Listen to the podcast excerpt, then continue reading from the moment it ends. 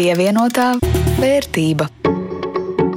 Sveicināti! Klāt šī gada pirmais raidījums, pievienotā vērtība, kurā runājam par ekonomiku, biznesu, naudu, ieguldījumiem. Ar to studijā Jānis Ramāns un Rudīts Pakausks no Latvijas televīzijas. Un ir pienācis tas brīdis, kad atskatīsimies uz to, kā tad mums pašiem ir gājis Baltijas akciju tirgū no ar saviem ieguldījumiem. Un, protams, ne tikai atskatīsimies, bet arī ar ekspertu palīdzību lūkosim saprast, kas tad tuvākā un tālākā nākotnē gaidāms un kā saprātīgāk veidot uzkrājumus un ieguldījumus pievienotā vērtība. Vispirms atgādināsim, par ko tad vispār ir runa. 2020. gada novembrī, lai veicinātu gan savu, gan mūsu klausītāju izpratni par ieguldījumiem un finansēm, sākām ieguldījumu eksperimentu sacensību. Abi tobrīd vēl bez pieredzes akciju tirgos ieguldījām katrs pa 300 eiro savas personīgās naudas. Baltijas biržas uzņēmumos sākotnēji arī bija noteikts, ka es, Jānis, ieguldu Rīgas un Tallinas biržas uzņēmumos, bet Rudīte Rīgas un Viļņas. Šis noteikums gan tika atcelts no jau aizdītā gada sākumā, bet portfeļos tas vēl visai labi redzams un arī šogad jūtams. Parasti īsi katra raidījuma beigās pieminam, kā tad mums iet, bet reizi pusgadā veidojam tādu lielāku atskaiti par to, kā tad mūsu portfeļiem sokas, ko par to domājam, un lūdzam arī kādu pieredzējušu ieguldījumu ekspertu vērtēt, cik saprātīgi vai nē mēs rīkojamies, kādas kļūdas, cik tās tipiskas, un kā arī atskatāmies uz akciju tirgus tendencēm kopumā. Nu ko, tad sākam! Es domāju, ka nav dikti jāatkārtojas par to, ka aizvadītais gads bija visai neparedzējams un pilns ar dažādām neskaidrībām, un biržā lielākoties ar lielu treknu mīnusa zīmi. Jā, manā gadījumā Pavisam noteikti, ja gadu iesāk ar ļoti tuvu 500 eiro kopējā portfeļa vērtībā, tad līdz ar Krievijas iebrukumu Ukrainā un sakām, ko tas izraisīja Baltijas un pasaules ekonomikā, šobrīd man ir 446,38 eiro. Ja esmu zaudējis 10,7% savu portfeļa vērtības gadu laikā, un tas Vidēji, ja paskatāmies, atbilst arī vidējai temperatūrai akciju tirgū. Pat par vienu procentiņu man ir veicies labāk. Par to var sev paslavēt. Bet, jā, divu gadu griezumā joprojām izskatās ļoti labi. Var lepoties. Te jau 50% peļņa. Kā tev kopējā bilde radīt? Nu, man vismaz uz savu portfeli raugoties, 2022. gads var izgaist kā tāds ļauns murgs. Nekas nav mainījies. Ne īsti nopelnīts, ne arī daudz zaudēts, vien mazliet dividendes izmaksāts. Ja gada sākumā portfeļa vērtība bija 423 eiro un pāris centi, tad tagad gadu mijā tā vērtība ir 423 eiro un pāris centi. Tiesa, ja iepriekš visas akcijas bija plusā, tad tagad daļa mīnusā. Bet ir akcijas, kuru cena krietni augusi, piemēram, lauksaimniecības uzņēmuma Linas Agro. À, nu, un man vēl ir eiro un 75 centi kontā stāv neieguldīti. Gada sākumā to nebija. Jā, ir vēl pāris lietas, ko es šogad sapratu, ka dažkārt citu zaudējumi dažiem, ar pirkstu nerādīšu, šķiet kā tāda pašu veiksme un ļauj justies labāk, lai gan pēc būtības jau nekas nav mainījies. Tik trakā inflācija gan tādu kopējo pirktspēju mūsu ieguldījumiem ir nograuzusi pamatīgi, to jāatzīst, un vēl šķiet mēs abi bijām visai pasīvi nekādus Ievērojams darījums tā arī gadu laikā neveicām. Nu, savā ziņā sastingām, palīdām zem galda, gaidījām, kad briesmas pāries un bažīgi vērojām, kā portfeļu vērtība te dils, te pieaug atpakaļ. Bet gods kam gods, kā atzīst mūsu ieguldījuma eksperts, Inval Asset Management valdes priekšētājs Andrejs Martīnovs pēdējā gadā Rudīte ir paveikusi to, kas reti kam pat profesionālim bijis pa spēkam - palikt bez zaudējumiem, turklāt neko būtisku nedarot. Tas tikai atspoguļo to situāciju tirgos un skaidrs, ka šo situāciju nav iespējams ietekmēt ne jums, ne arī uh, profesionāliem, varbūt uh, ieguldītājiem, investoriem, jo tas vienīgais veids ir šobrīd, ko var uh, darīt, tas ir mazināt zaudējumus, jo negatīva tendence ir bijusi praktiski visu gadu. Neliels aplieciens ir bijis kā rūdeni, bet atkal, ja mēs skatāmies uz tirgu kopumā, tad es teiktu, ka izvairīties no negatīvas tendences praktiski nebija iespējams šogad. Tā kā es eh, domāju, ka arī tā pasivitāte, kas ir vērojama, kā nu, neko nedarīt, tas principā nu, praktiski arī izslēdz kaut eh, vai minimālo iespēju tomēr tos zaudējumus mazināt. Labi, tādai atrunai ir jāpasaka, ka mūsu eksperiments nu, ir arī jāuztver kā eksperiments. Ja ir nopietnāk nolūku uzkrāt naudu un investēt ilgtermiņā, mūsu stratēģija līdz galam nederēs. Saka Andrejs Martinovs, neslēpjot, ka mūsu abu portfeļu ienesīgums turās galvenokārt uz to, ka trāpījām ar ļoti, ļoti labu brīdi investīciju sākšanai pirms diviem gadiem. No vienas puses, jūsu tās paņēmiens, jūsu pieeja, tā kā vienreizēji ieguldīt vienu summu un tad uh, ar to aktīvi rīkoties, mēģinot pirkt, pārdot un uzlabot tos darbības rezultātus, ir tāds, kā lai saka, es teiktu, netradicionāls priekš mazam summam un priekš uh, tādiem parastiem iedzīvotājiem uh, uzkrājējiem, jo jūsu gadījumā jūs tiešām trāpījāt pareizā laika, pareizā saka, vieta, jā, un um, jums izdevās diezgan zemam cenam izvietotību ieguldīt savas naudas summas. Un principā joprojām šīs porcelāns ir tādos diezgan labos plūsos. Viņš nodrošina pozitīvu rezultātu arī neskatoties uz to, ka šīs gads, 2022. bija diezgan nu, svārstīgs un, es teiktu, pat neveiksmīgs priekš tādiem vienreizējiem ieguldījumiem.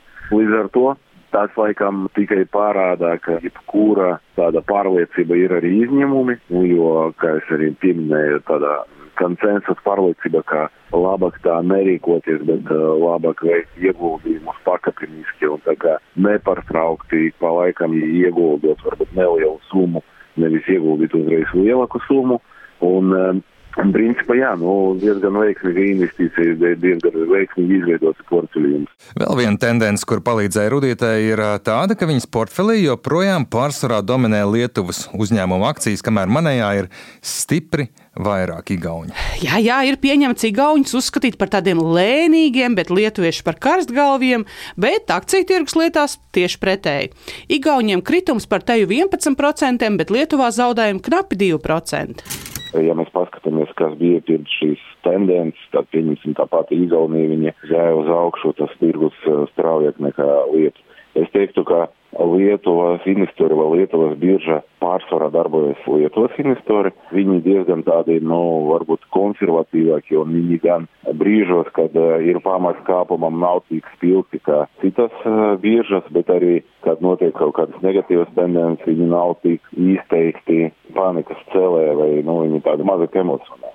Vēl varbūt uh, papildus ir tas, ka, manuprāt, tas atspoguļo arī ārvalstu investoru, eh, nu, to saucamā ekspozīcija vai dalību šai bieži. Skaidrs, ka mums eh, no iekšpuses, tā kā esot eh, vietējiem, tā kā iedzīvotājiem un arī ekonomikas dalībniekiem tā situācija, kas ir izveidojusies gan sakarā ar ģeopolitisko karu Ukraina, gan ar inflācijas augstiem līmeņiem, jo Baltija ir viena no augstākām inflācijām Eirozonā. Nu, ar mūsu acīm varbūt tas neizskatās tik traģiski kā no ārvalstu vai no ārpuses, bet tā kā tādu investoru ir maz, tad principā kopumā, ja mēs skatāmies, mūsu tirgi ir pakrituši diezgan maz salvinoši ar to pašu Ameriku, ar Eiropu.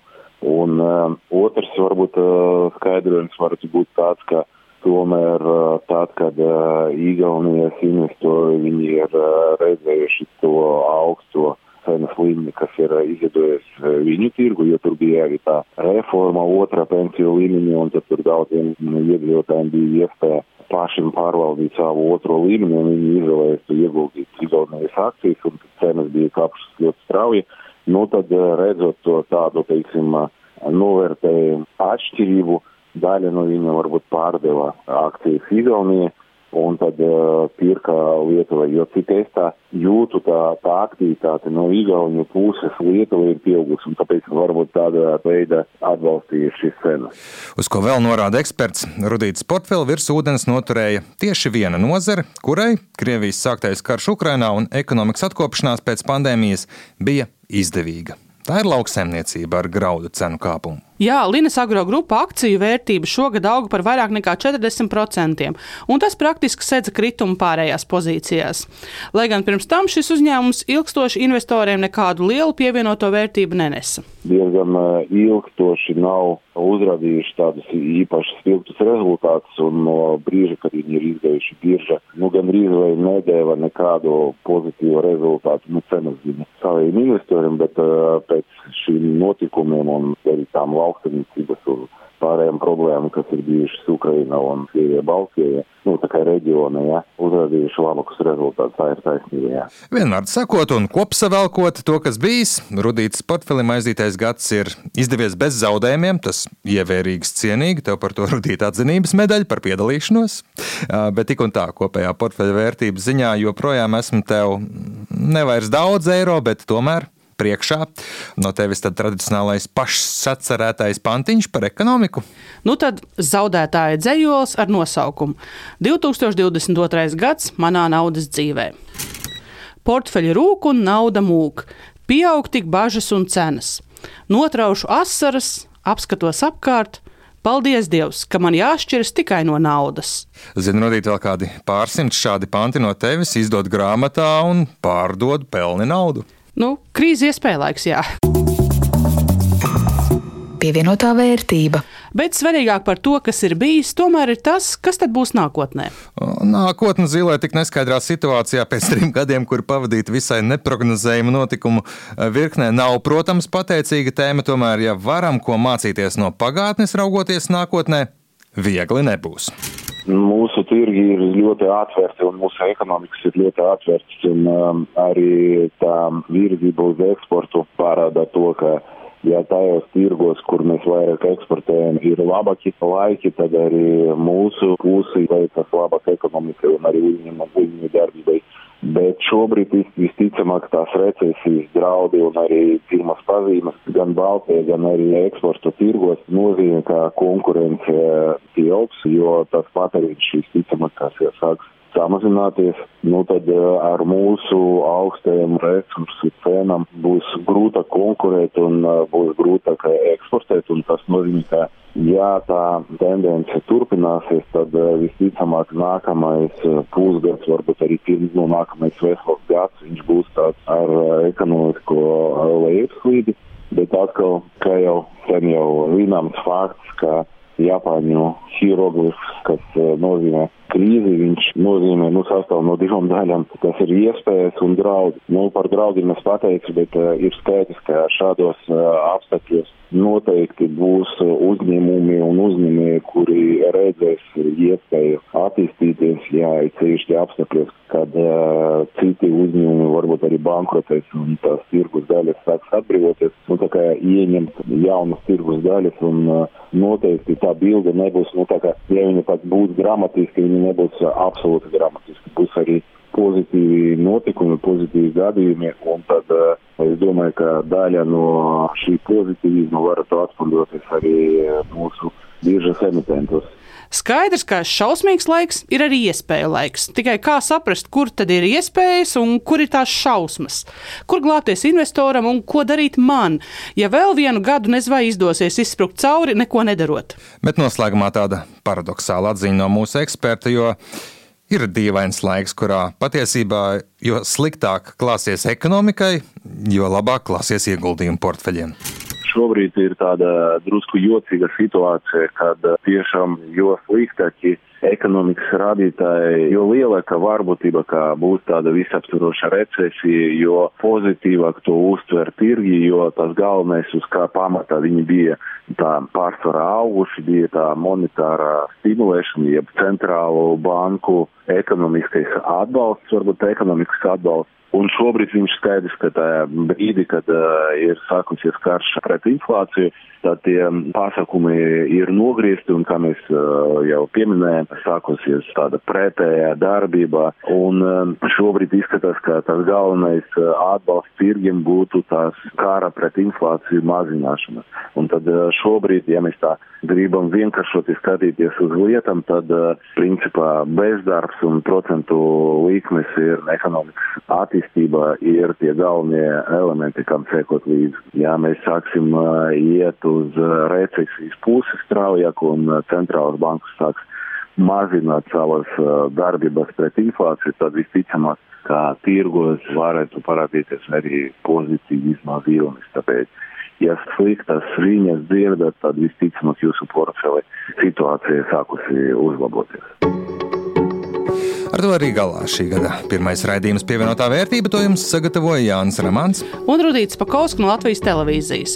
Par labskaņu rūpējās Renārs Šteimanis. Lai jums bagāts jaunais gads ar pozitīvu pievienoto vērtību.